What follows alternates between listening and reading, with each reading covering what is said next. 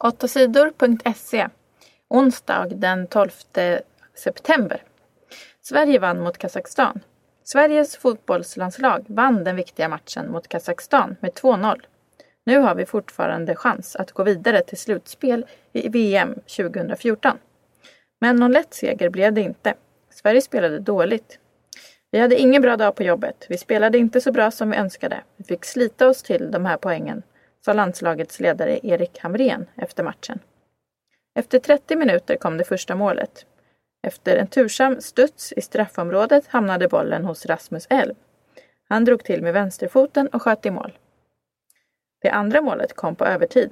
Inhopparen Marcus Berg sköt en bredsida i mål efter en snygg pass från Zlatan. 12 oktober ska Sverige möta Färöarna i den andra kvalmatchen. Attack mot USA-kontor i Libyen. Män med vapen började på tisdagskvällen att skjuta mot USAs konsulat i Libyen. Det hände i staden Benghazi. En amerikan som jobbade på konsulatet dödades. Huset började brinna. Samtidigt demonstrerade flera tusen människor vid USAs ambassad i Egyptens huvudstad Kairo. Demonstranterna rev bland annat ner den amerikanska flaggan och eldade upp den. Protesterna mot USA beror på en amerikansk film som människor i Egypten och Libyen har sett. De som blivit arga på filmen säger att filmen talar illa om muslimernas profet Muhammed. Patienter som ska dö måste betala för medicin. På Karolinska sjukhuset i Stockholm måste patienter med prostatacancer själva betala för sin medicin. Det handlar om medicinen Zytiga som kostar ungefär 30 000 kronor i månaden. På andra stora sjukhus får patienterna läkemedlet gratis. Det skriver tidningen Dagens Medicin. Läkemedlet är till för dem som inte kan bli friska från sin cancer. De vet att de kommer att dö.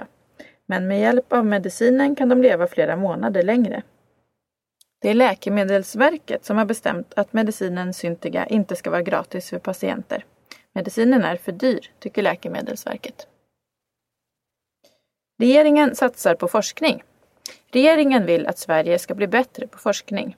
Regeringen vill därför satsa över 11 miljarder kronor på forskning fram till år 2016. Det här är historiskt. Vi har aldrig tidigare satsat så mycket på forskning i Sverige, säger utbildningsminister Jan Björklund. Speciellt vill regeringen satsa på forskning som försöker bota sjukdomar. Regeringen hoppas att mer forskning ska göra att det blir fler jobb i Sverige. 8 sidor TT. Över 100 dog när fabriker brann. Minst 110 människor dog i en stor brand i en klädfabrik i Pakistans största stad Karachi. Det hände på tisdagen. Nästan samtidigt började det brinna i en skofabrik i staden Lahore. Minst 25 människor dog i branden. Flera människor blev också skadade i de båda bränderna. Det är inte klart varför de båda bränderna startade. Mohammad Asif jobbade i fabriken i Karachi när det började brinna. Människor skrek. Alla sprang till fönstren. Jag hoppade från tredje våningen, berättar han. 8 sidor TT. Sverige är klart för basket-EM. Landslaget i basket har kämpat för att komma med i basket-EM nästa år. På tisdagen vann herrlaget den sista kvalmatchen mot Luxemburg. Men det betydde inte att vi var klara för EM. Tyskland behövde också vinna sin match mot Azerbajdzjan. Svenskarna hade tur. Också Tyskland vann sin match. Nu är Sverige klart för EM. Sverige har inte varit tillräckligt bra för att få spela i basket-EM sedan 1995.